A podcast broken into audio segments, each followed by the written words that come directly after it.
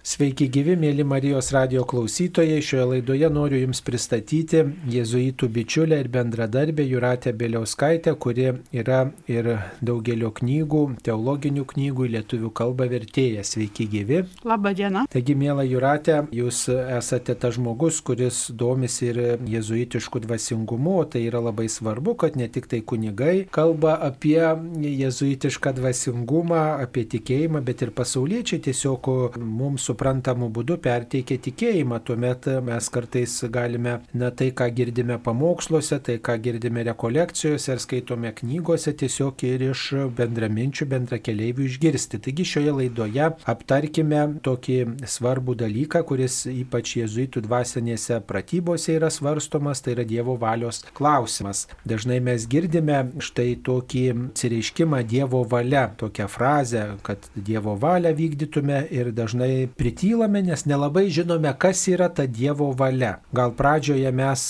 aptarkime, kodėl yra svarbu tą Dievo valią vykdyti ir kaip jinai suprantama, mat jėzuitų rekolekcijos ir apskritai mūsų visų gyvenime. Na, kas yra Dievo valia? Man tai pagal senąjį klasikinį Kazimiero Paltaroko katekizmą, e, tai ko gera pirmiausia Dievo įsakymų vykdymas. Nes jis klausė, kam gyvename žemėje, kad vykdydami Dievo valią nueitume į dangų. Bet e, kokios strategijos ir taktikos reikia laikytis, kad nueitume ir tikrai ją įvykdytume. Tai man labai patiko vienas Peterio Krift e, vienoje knygoje pateiktas jo septynmečio sūnaus atsakymas. Kartą jo paklausė, ką reikia daryti, kad įvykdytume Dievo valią. Tai tas vaikiukas atsakė, maldoje paklausti, ko jis nori ir tada tą daryti. Ir tai yra labai ignaciška, nes būtent ir Ignacas sako, kad visų pirma ir mūsų labiausiai tai ta Dievo valia pasireiškia mūsų troškimuose. Na taip, tai jūs jau čia iš karto pradėjote atpažinti, kur tiesiog į patį dešimtuką pataikote, kai kalbate, kaip suprasti tą Dievo valią. Tačiau galbūt dar iš pradžių staptelkime ties tuo, na, kodėl svarbu Dievo valią vykdyti reiškia. Taip, tai galbūt yra Dievo įsakymų vykdymas ir, ir, ir tiesiog gyvenimas pagal Dievo įsakymus ir ignaciškose pratybos ir taip pat jezuitų literatūroje skaitome tokį dalyką, kad štai yra lengva pasirinkti, kai yra du pasirinkimai. Ir vienas yra toksai geras, o kitas yra blogas. Tai tuomet vat, Dievo įsakymus vykdyti yra labai paprasta. Reiškia, Dievo įsakymai kreipia į tai, kad laikytumės gėrio ir tada atmetame, kas yra bloga, kas yra nuodėmė. Ta mums sąžinė primena. Tai toks jau Dievo valios atradimas yra labai paprastas. Tačiau viskas sudėtingumas prasideda toliau, kai yra du geri dalykai. Va, kaip Taip. mes dvasininkai arba tie, kurie vat, dirbame bažnyčioje, dažniausiai tuos kelis pašaukimus vat, iškeliame kaip pavyzdį, kad kokį pašaukimą pašaukimą rinktis ir kur tai yra mhm. Dievo valia. Būti kunigu arba kurti šeimą, eiti į vienuolyną ar būti tik tai kunigu viskupijoje. Arba ten tiesiog mergina žiūri, ar tekėtis, ar, ar, ar už to bernelio, ar už kito bernelio. Ar, o, o vaikinas svarsto, ar vesti tą mergelę ar kitą mergelę. Tai, tai štai du geri dalykai, du geri pašaukimai, dvi geros kryptis tokios ir kaip pasirinkti. Va tada turbūt sudėtingiausia yra ir kodėl čia svarbu tiesiog vat, klausti viešpaties. Taip, ir, ir man pačiai teko susidurti su tokiais pasirinkimais, kadangi Šiaip esu netekėjusi ir šiaip apie šeimą tai niekada ne, negalvojau, bet tarkim visi žmonės, kurie mane pamatydavo anksčiau, kadaise dar visai jaunystėje, kažkodėl sakydavo, ar tik jūs ne vienuolė. Nors aš apie vienuolystę irgi nieko, nieko negalvojau. Bet e, vieną sykį, kai e, tėvas Stasys e, per dėstytojų rekolekcijas mus nusivežė į paštuvą ir tiesiog jis ten aukojo mišes ir mes nuvažiavom visi. Ir aš nustebau, kad pirmą sykį pamačiau tokias laimingas vienuolės. Na ir galvoju, gal kada nors reikės ir man pabandyti. Aišku, labai šitą, jeigu būtų jėzuičių ordinas, tai aš tada ne, nedvėjočiau. Na ir paskui aš, kadangi daug dažnai darydavausi šabo dienas tokias ir pradėjau važinėti būtent į paštuvą šabo dienoms, o lyg tyčia ten kartu ir tėvas Leonas Zaremba vis būdavo jis joms ūkdymą pravesdavo sesėms. Tai jis pradėjo mane po truputį per dantį traukti. Tai kada tave pamatysime su karmelitišku abitu? Nu ką, tai pradėjau taip pamažu kažkiek ir galvoti, gal vertėtų. Bet vėlgi Tuomet aš dar ne šitą, nors jau buvau ganėtinai pažengus ignaciškam dvasingume, bet apie tą dvasių skirimą pernelyg negalvojau. O jau iš karto ėmiau svajoti apie tai, kaip į karmelitišką liūdnumą įnešti e, ignaciško linksmumo tokio ir kaip ateityje galbūt suženyti Teresę su Ignacu ir padaryti Jėzaus draugijos karmelį arba karmelio Jėzaus draugiją. Taigi, iš, žodžiu, sielų priešo uodegos tame nemačiau, nors ji ganėtinai aiškiai kišojo. Nes aš ketinau ten tariamai vienyti, bet iš tikrųjų tai buvo kaip noras skaldyti. Na, nu, žodžiu, buvo toks Na ką, tai 2008 m. birželį praleidau ten vienuolinę, susipažinau su bendruomenė, dalyvaudavau visose jų veiklose, e, paskui po mėnesio pasidalinau savo patirtimi su dvasios tėvu, bet ir vėl e, sielų priešas nemačiomis įkišo savo kanopą, nes kai ką nutylėjau, nes tai man atrodė nesvarbu. Na, no, tai kaip jūs atpažinote, kad tai yra sielų priešas vienam ar kitam atvejai, kad tai nėra Dievo valia, o tai būtent piktojo valia? Tai paaiškėjo šiek tiek vėliau. Žodžiu, rūpiučio mėnesį nuvežiau prašymą priimti į postulantūrą ir rugsėjo pradžioje, sekmadienį, prieš pat mišę sulaukiu skambučio iš vyresniosios. Žodžiu, kad apsisprendėme jūsų nepriimti. Ir tada staiga Mano širdis šoktelėjo iš džiaugsmo ir atsirado vidinis laisvės pojūtis. Nors aš pagal idėją turėjau e, nuliūsti, baisiausiai, kad manęs nepriėmė. Na ir ką paskui aš e, dar tą patį vakarą parėjus namo persižiūrėjau vasaros užrašus ir iš Karmelio ir po to ir tada apstulbau, kaip man galėjo kilti mintis, kad aš galiu būti karmelitė, jei maldos įžvalgos ir vizijos sako ką kitą. Žodžiu, aš jau tada pati šiek tiek e, pamačiau daugiau negu anksčiau ir e, pamačiau, kad e, dalis interpretacijų buvo grynos misinterpretacijos. O kadangi sielų priešas buvo truputį va taip leidęs pagalvoti, kad čia galbūt nesvarbu, aš tuo iš karto nebuvau pasidalinusi su dvasios tėvu. Na, bet paskui pasidariau dar šabo dieną Kulautuvoje, pokalbį su dvasios tėvu ir tada vėl viskas atsistojo į savo vietas, o dar po metų 2009 metų rūpjūtį viską galutinai supratau per rekolekcijas, kur taip ir buvo atpažinti dvasias. Na, Dievo valia toks liepiningas dalykas, apie tai kalbama ir šventajam rašte, ir katekizme mes skaitome, e, kad reikia Dievo valią atpažinti. Ir sakome, kad Dievo valią atpažįstame tam, kad būtume laimingi, kad atrastume savo tikrą pašaukimą, savo tikrą vietą šiame gyvenime. Ir mes esame kviečiami bendradarbiauti su Dievu, kad, na, vat, atsilieptume jo mums skirtą užduotį, jo mums skirtą misiją. Turbūt gal reikėtų aptarti apie tas prielaidas prielaidas, apie tas pradžią tokią, apie tas priežastis, kurios skatina mus ieškoti Dievo valios. Kas štai na, skatina ieškoti žmogų Dievo valios ir ją pažinti. Kadangi žmogus yra sukurtas, ir žmogus yra sukurtas tam, kad būtų laimingas, o Ignacas aiškiai labai įvardyja tą kaip pradžią ir pagrindą. Žmogus yra sukurtas Dievą garbinti, šlovinti, jam tarnauti ir per tai išgelbėti savo sielą. Ir e, labai įdomu e, šiuo metu knyga, kurią verčiu Marko Tibodo Dievo balsas viduje. Tai man labai patiko, kad jis net siūlo vieną tokią pratybą - sukurti savo paties pradžią ir pagrindą. Tai yra įvardinti savo tą tikslą, dėl kurio esu sukurtas ir tai, kaip jis e, sako, labai palengvina paskui apsisprendimą, kai reikia kažką rinktis, daryti sprendimus. Tai sakiau per artimiausią šabo dieną turbūt pati pabandysiu tą parašyti, nes pirmą kartą, kiek esu skaičius knygų ir pratybų praėjus, nei vienam nebuvo šito siūloma. Na, turbūt labai toks reikšmingas dalykas yra, kad žmogus sukurtas tam, kad Dievą garbintų. Ir na, mes turbūt visai kitaip atrastume savo gyvenimo tikslus, jeigu šitai prieš akis turėtume, kad mūsų pagrindinis tikslas yra garbinti Dievą. Mes dažnai norėdami atrasti Dievo valią, turbūt klausiam kitaip, kokia man iš to nauda bus, ne, kur aš galėčiau save realizuoti, kur aš galėčiau save įsiskleisti, reiškia, nes mes taip įsivaizduojam savo laimę, kad darysiu tai, kas man patinka patinka, ką aš noriu daryti, kas man sekasi daryti ir mes visai nesvarstom, kad tai, kiek tai bus Dievo garbinimas ir kiek tai man padės šventumui ir kiek man pasitarnaus kitiems. Tai gal tai ir trukdo mums atrasti Dievo valią.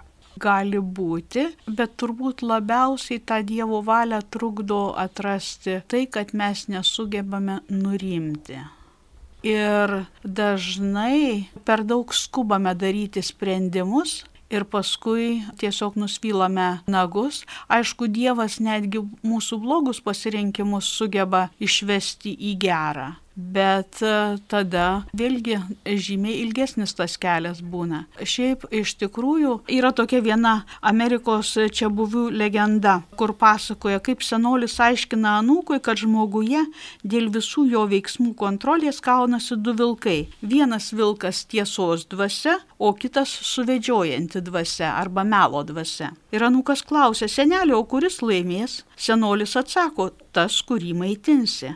Taigi čia ir yra visa esmė, mes negalime rinktis turėti tuos abu du vilkus ar jų neturėti, bet turim tvarkyti su tuo savo vidiniu negatyvumu ir rinktis, kurį maitinsime. Tai yra visada turime pasirinkimą, kaip žiūrėti į gyvenimo situacijas. Na, va, turbūt labai svarbu, kalbant apie Dievo valios atpažinimą, va, kelti į pirmą vietą šitą tikslą, kad mūsų vis dėlto tikslas yra ne savanaudiškumas, bet yra didesnė Dievo garbė. Ir minėjote apie tokią tylą, kuri reikalinga Dievo valiai atpažinti, kad šitam triukšme, šitam bėgime mes neatpažinsim Dievo valios. Tam, kad mes atpažintume, reikia turbūt tokių kelių dalykų. Reikia to noro turėti tą atpažinimą gyvenimą, reikia turėti nu, tam tikras sąlygas, reiškia, tai ir, ir maldos laiką skirti, ir kad tylos laikas būtų, tas, ta malda kaip priemonė, reiškia, klausti viešpaties ir, ir tyloj, kad tikrai aš išgirščiau ir kartu savo širdį pažinčiau ir išgirščiau tą vidinį balsą tokį ir tokį aiškumą prieičiau prote, savo širdį, reikia truputį atsitraukti, atsitraukti nuo, nuo šito šurmulio, nuo rūpeščio, taigi tam tinkamas būtų būdas vienuolynė, rekolekcijose arba bent jau, bent jau truputį padėjus į šalį tokius labai e, mus skubinančius darbus ar rūpeščius, kad tikrai turėčiau ar kambarėlį savo atskirą ir galėčiau tikrai na, tam svarstymui pasišvesti. Turbūt apie tai mažai kas pagalvoja, ar ne? Jie nori čia ir dabar, jie iš kelių sakinių nori suprasti, kur ta Dievo valia. Turbūt taip nelabai išeina. Turbūt ne.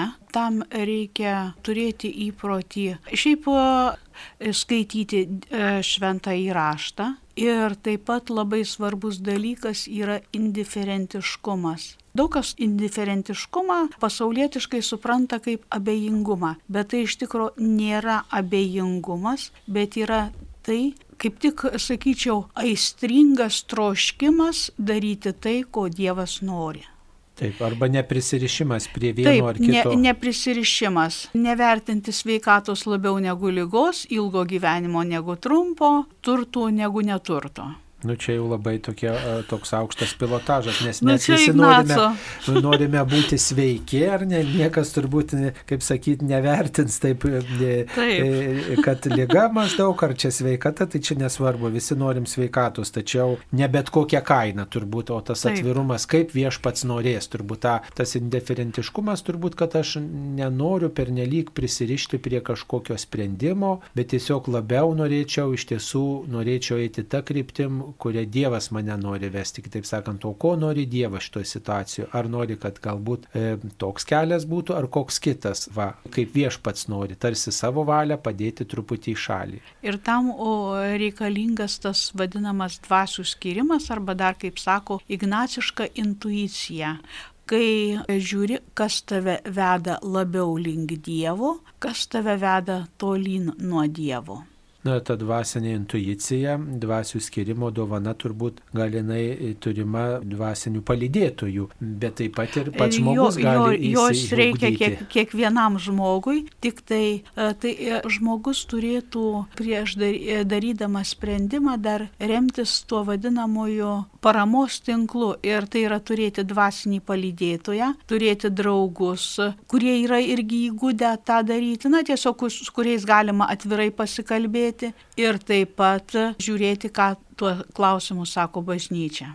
Na tai paprastai tie draugai arba dvasinis palydėtojas na, gali mums taip atrodyti, kad kreips į tokią labai altruistinę pusę, ar ne, į tokį e, ne, tai, gėrio pusę, tokį, tai, kilnumo pusę. Taip, bet E, tas dvasinis palydėtojas taip pat turi būti indiferentiškas ir tiesiog tik tai padėti palydimajam susitikti su Dievu. Aš tikrai džiaugiuosi, kad e, mano dvasios tėvas ištikimai palydėjo mane 18 metų ir dabar jis yra toksai, bet jau po 18 metų jau truputį aš daugiau ir šiaip iš tikrųjų džiaugiuosi, kad dabar turiu, galima sakyti, du dvasios tėvus ir taip pat dar dvasios motiną.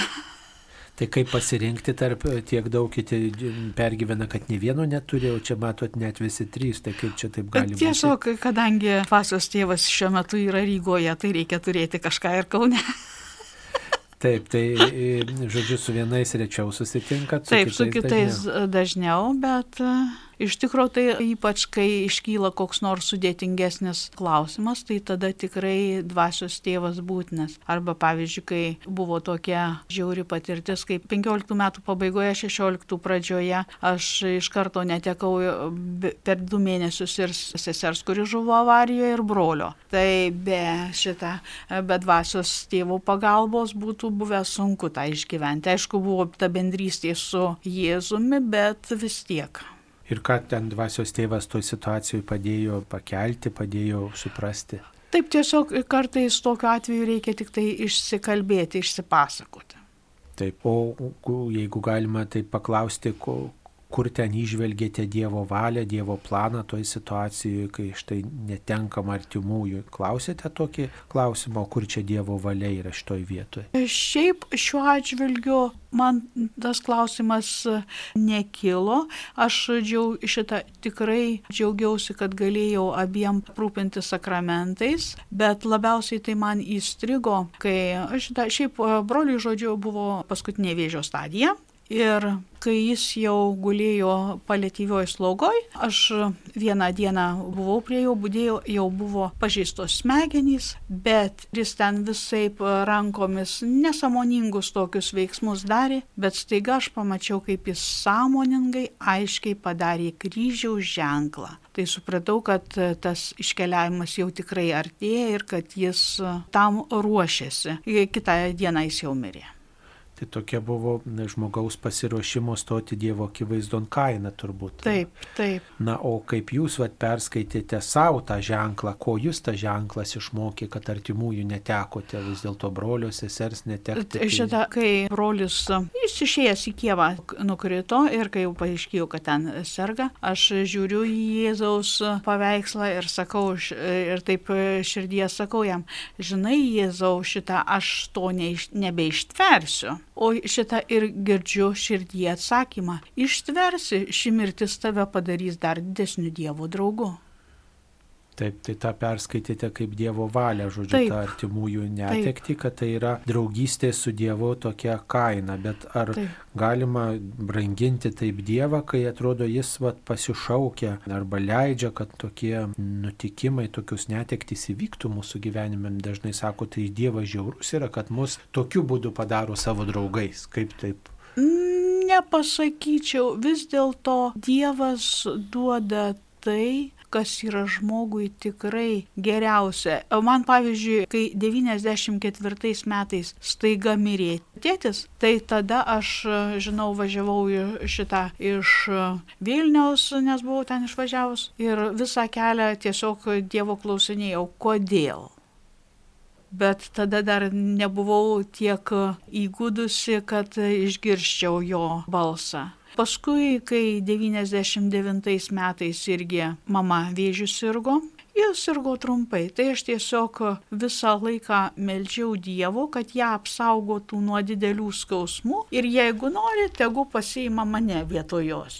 Tai iš tikrųjų mama nors sirgo kepenų vėžių, bet iki paskutinės minutės valgė, ką norėjo ir iš tikrųjų skausmų nekentėjo. Ir paskui šitą kaip tik Dievas ją pasišaukė per Pranciškaus Savero šventę. Na tai va, jums buvo toksai ženklas, kad va, jūsų jezuitiškas dvasingumas didė jums pagoda turbūt, ar ne? Tikrai e, taip. Taigi kalbam apie Dievo valią ir reikėtų gal pasakyti, kokie įrankiai ir pagalbininkai mums šitam keliui padeda. Vieną jau įvardinom, tai yra tyla. Reiškia, tyla reikalinga, kuri padeda klausyti savo sąžinę, savo širdies, kuri padeda tirti dvasę, kokia jinai yra many, kur mane veda, jinai padeda apmastyti savo gyvenimo kelią, paskatina tiesiog apmastyti savo klaidą galbūt, savo silpnumą ir na, prieiti tokio tikrumo, aiškumo. Galų galia tas aiškumas, kokia yra Dievo valia, būtent tyloj, tyloj išryškėja tas aiškumas, skaidrumas, tas supratimas prote ir, ir savo viduje, savo širdį ir savo jausmuose, kur mane viešpats veda. Na, dar vienas turbūt būtų toks įrankis arba priemonė padedanti Dievo valią pažinti, tai yra šventasis raštas. Gal čia galėtumėt kažką pasakyti, kaip šventasis raštas padeda atpažinti Dievo valią, gal ir jums padėjo, pavyzdžiui, kažkokioj konkrečioj situacijai. Aš e, melžiuosi su šventuoju raštu ir esu iš eilės meldusis maldoje perėjus visa, e, visus mažuosius pranašus, e, psalmes, visą jobą. Tiesiog pasirenku gabaliuką ir iš eilės melžiuosi ir klausausi, ką Dievas per tai sako, bet labiausiai, sakyčiau, padeda tam Dievo valios atpažinimui, tai dvasinis dienoraštis, kurį Ignacas labai rekomenduoja rašyti rašyti. Ir kai aš 99 pradžioje e, atlikau išpažinti iš viso gyvenimo, būtent e, dvasios tėvas man patarė, e, sako, rašyk dienoraštį. Tai nuo tada aš ir rašau. Tai yra vienas dienoraštis, yra paprastas, kur rašausi tiesiog, kas vyksta, visus įvairius įvykius. Ir taip pat yra maldos dienoraštis, kurį rašau ir dienos peržvalga dar plus. Dienos peržvalga yra labai geras įrankis, kai nori pamatyti, kaip Dievas per dieną tave vedė. Nes pirmiausia, tai yra dėkingumas viešpačiui, pagalvoji ir prisimeni, kokias malonės Dievas per tą dieną davė, po to kaip patyriau Dievo veikimą per žmonės iš kitų žmonių gerumo ir taip pat, kur aš pati buvau tą Dievo meilės atspindžių kitiems, po to atsiprašai, kas e, buvo negero ir tada paprašai malonės rydienai. Na tai čia jezuitiškam dvasingume labai ta populiari sąžinės tyrimo malda, kiek teko domėtis, kad šventasis Ignacas ją laikė beveik pagrindinė dienos malda. Sąžinės tyrimo malda, kurią reikėtų vakare atlikti. Mes tikrai mažai ją pažįstam ir Taip, mažai ją praktikuojam. Jis, jis netgi rekomenduoja daryti dvi dienos peržvalgas, vieną vidurdienį ir kitą vakare. Na taip, kunigų seminarijose, vienuolyjose tą bandoma praktikuoti, reiškia dienos e, peržvalgą. Na, o kaip tai padeda Dievo valią atrasti? Ar čia tiesiog pamatau Dievo gerumą man išlietą, susitaikau su tuo, kas buvo ir tiesiog atsiprašau, kur kreivai žiūrėjau, čia ta prasme, ar dar kokia kita, kaip mes išryškintume? Tiesiog, kur prasilenkiau e, su Dievo valia, nes galbūt e, Dievas kažko iš manęs norėjo. Vienas toks toks įvykis jau seniai įvykęs, bet buvau nusprendus duoti Elgetai bandelių. Na, vis, ir šitą, tada ir visada jų, tų elgetų būdavo prie nu, Soboro bažnyčios, aš tada ten ėjau. Nu ir ateinu ir žiūriu tą dieną, šitą nei vieno elgetos, tik tai viena moteriškiai pardavinėja žvakės, nu jį kaip ir ne elgeta. Paskui vakare aš klausiu maldoje Jėzaus, sakau, klausyk, tai šitą tu kažkaip buvai mane paskatinęs lyg tai padaryti gerą elgetą, o sakau, ten neradau nei vienos, nei vienos elgetos. Sako, aš buvau apsimetęs tą žvakių pardavėją, o manai jį nenorėjau bandelių. Tai žodžiu, galima sakyti, kad maldoj patyrė tokį Dievo humoro jausmą. Taip, o jis kartais jis būna geras humoristas. Taip, bet šventam rašte turbūt mes mažai randame tų vietų, kur Dievas tikrai labai nu, mėgtų tą humorą, arba tokių vietų nėra pernelyg daug. Tai dar truputėlį tie švento rašto skaitimus taptelkime, reiškia, kaip tai padeda suprasti Dievo valią, ar mes esam kviečiami skaityti tas vietas, kuriuose ta Dievo valia būdavo vykdoma arba nevykdoma ir kuo tai baigdavosi. Pavyzdžiui, pranašo Jonos istoriją, arba pavyzdžiui, ten, sakykime, Petro pašaukimą, arba paštalo Pauliaus atsivertimą, arba jo misiją, arba ten, pavyzdžiui, paštalų išrinkimo istoriją, nu, arba kokią kitą vietą, kur, sakykime, yra, yra kažkoks svarstymas, teisingo kelio ieškojimas ir tada tam tikras sprendimo prieimimas. Ar ir kitos vietos kažkaip gali padėti mums atrasti, kokia yra Dievo valia mano gyvenime. Kodėl reikia skaityti šventą raštą va, šiuo klausimu, kad būtų aiškumo didesnio?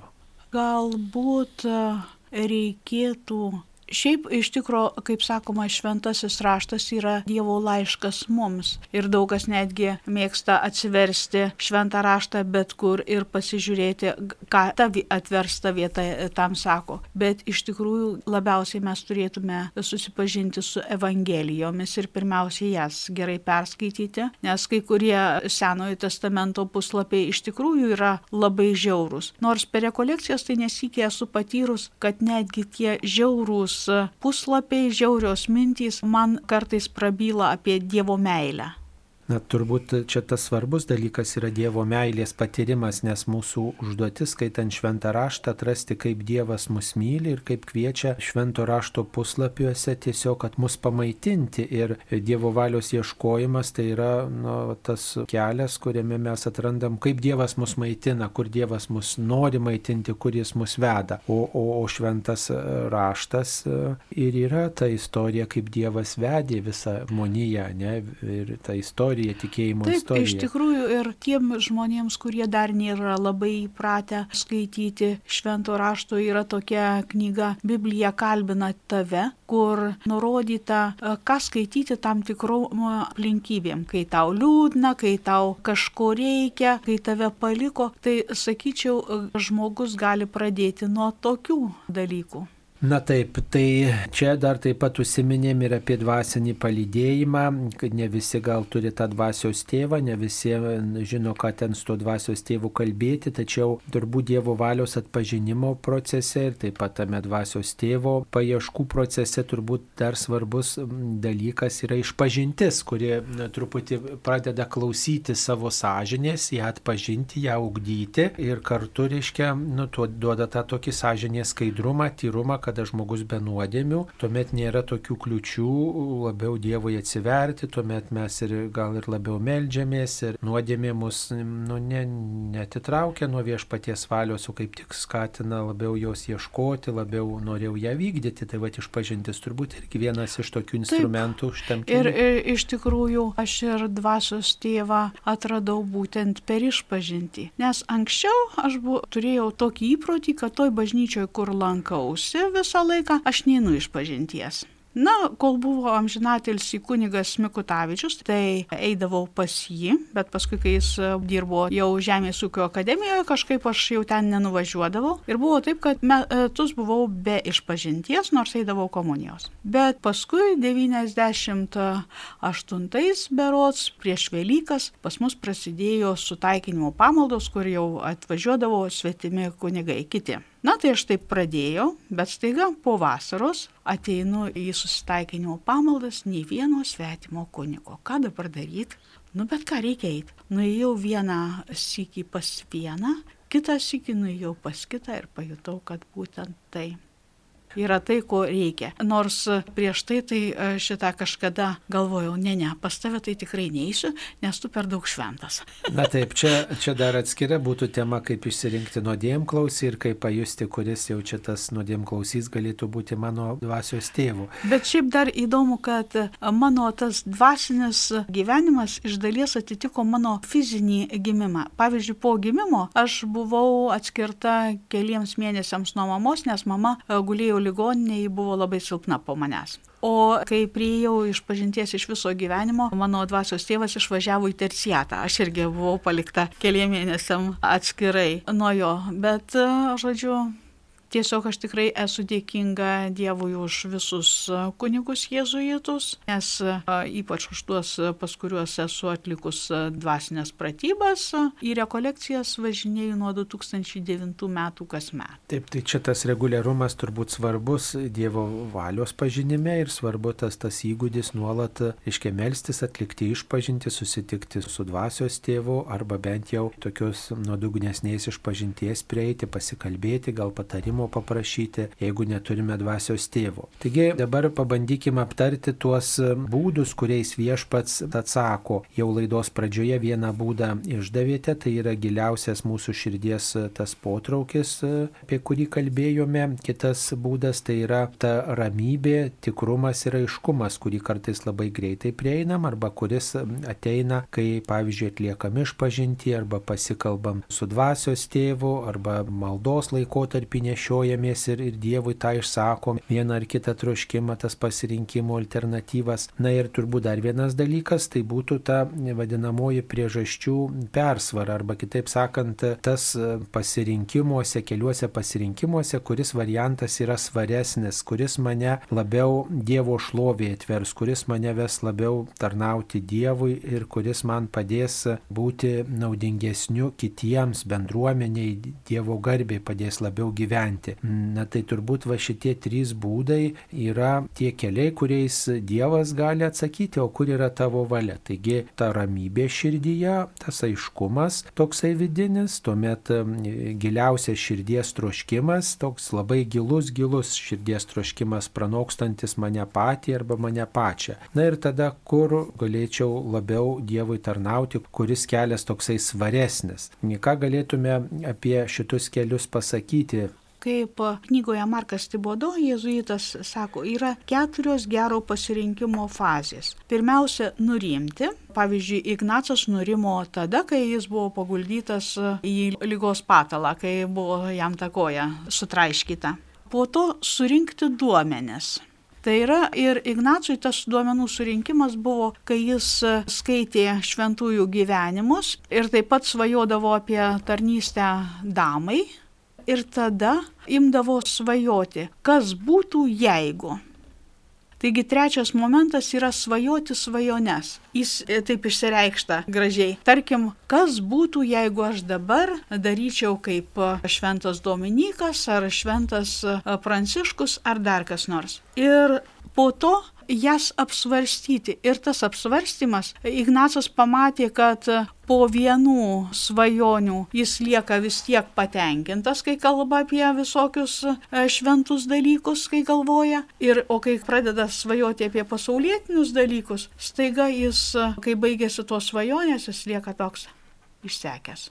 Tai čia ta pagoda ir nepagoda. Taip, čia ta pagoda ir nepagoda. Ir po to, kai jau pamatai, kas tave traukia, tą sprendimą apsvaršius atiduoti Dievui ir laukti patvirtinimo arba nepatvirtinimo. Ir vėlgi, būtent tuo metu, kai jau gauni tą, tarkim, patvirtinimą, kad renkiesi tikrai tai, kas reikia, bet dar ir tada reikia saugotis tos melo dvasios, nes tas sielų priešas gali versti tave, skatinti persvarstyti tą e, sprendimą, pakišdamas kitokius dalykus.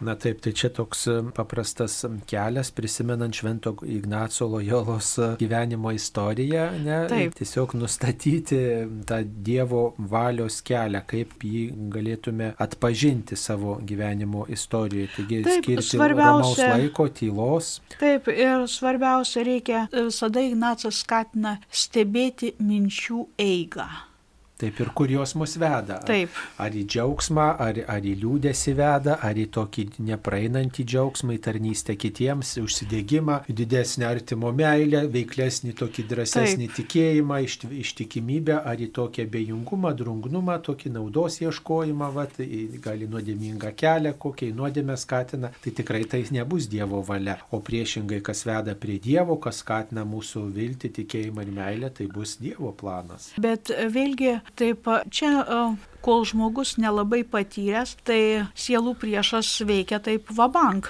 Bet kai jau žmogus yra pažengęs dvasiniam kelyje, tai ir sielų priešas mėgina pakišti tokius tariamai gerus dalykus, bet paskui paaiškėja, kad tie dalykai nevedė į gėrį. Būtent tam ir reikalinga ta minčių eiga, stebėti tą minčių eigą, kad pamatytum, ar ir pradžia sumanimo buvo gera ir galas, ar ir vidurys buvo geras, o gal viduryje ten kažkur jau tave paskatino pasukti ne į tą pusę.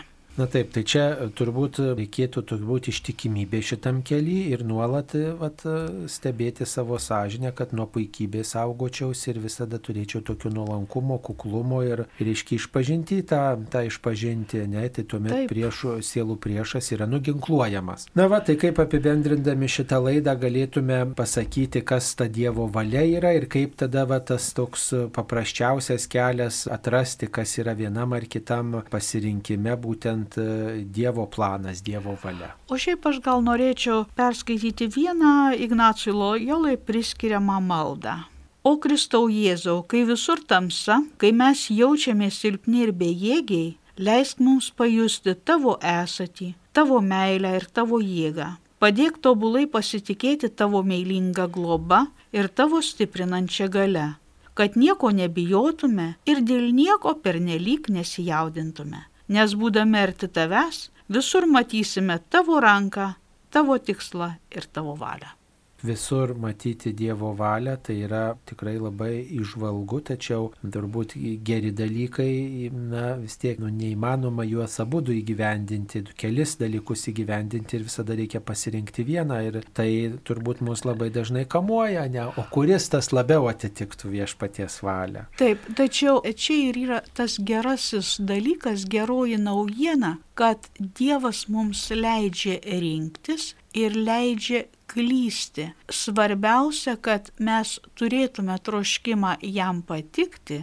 ir būtent tas troškimas Dievui tikrai patinka ir jis išves, tikrai išves viską į gerą. Na, tarkim, toks pavyzdys. Markas Tibodo vienoje vietoje prilygina Dievą kaip verslininką, kuris nori sūnui perduoti savo verslą. Jeigu sūnus sutinka su tuo, tai Dievas jį moko ir padeda perprasti tas verslo paslaptis. Bet jeigu sūnus pasako, kad jis nori rinktis kitą kelią, tai Dievas tikrai nuo jo nenusigręš ir padės tam kitam kelyje. Ir, o kaip sakoma, visi keliai veda į Dievą ir anksčiau ar vėliau tikrai atves. Svarbiausias tas mūsų pats giliausias troškimas, per kurį, reiškia, kalba viešpats, vad kokia ta mano giliausia svajonė, kuri mane artintų prie jo, kuri man padėtų kitiems tarnauti. Vat į tai turbūt labai svarbu įsiklausyti Taip. ir tada žiūrėti tos, kur daugiausiai yra tos vidinės paguodos. Tai trumpiausias toks kelias atpažinti Dievo valią, kur to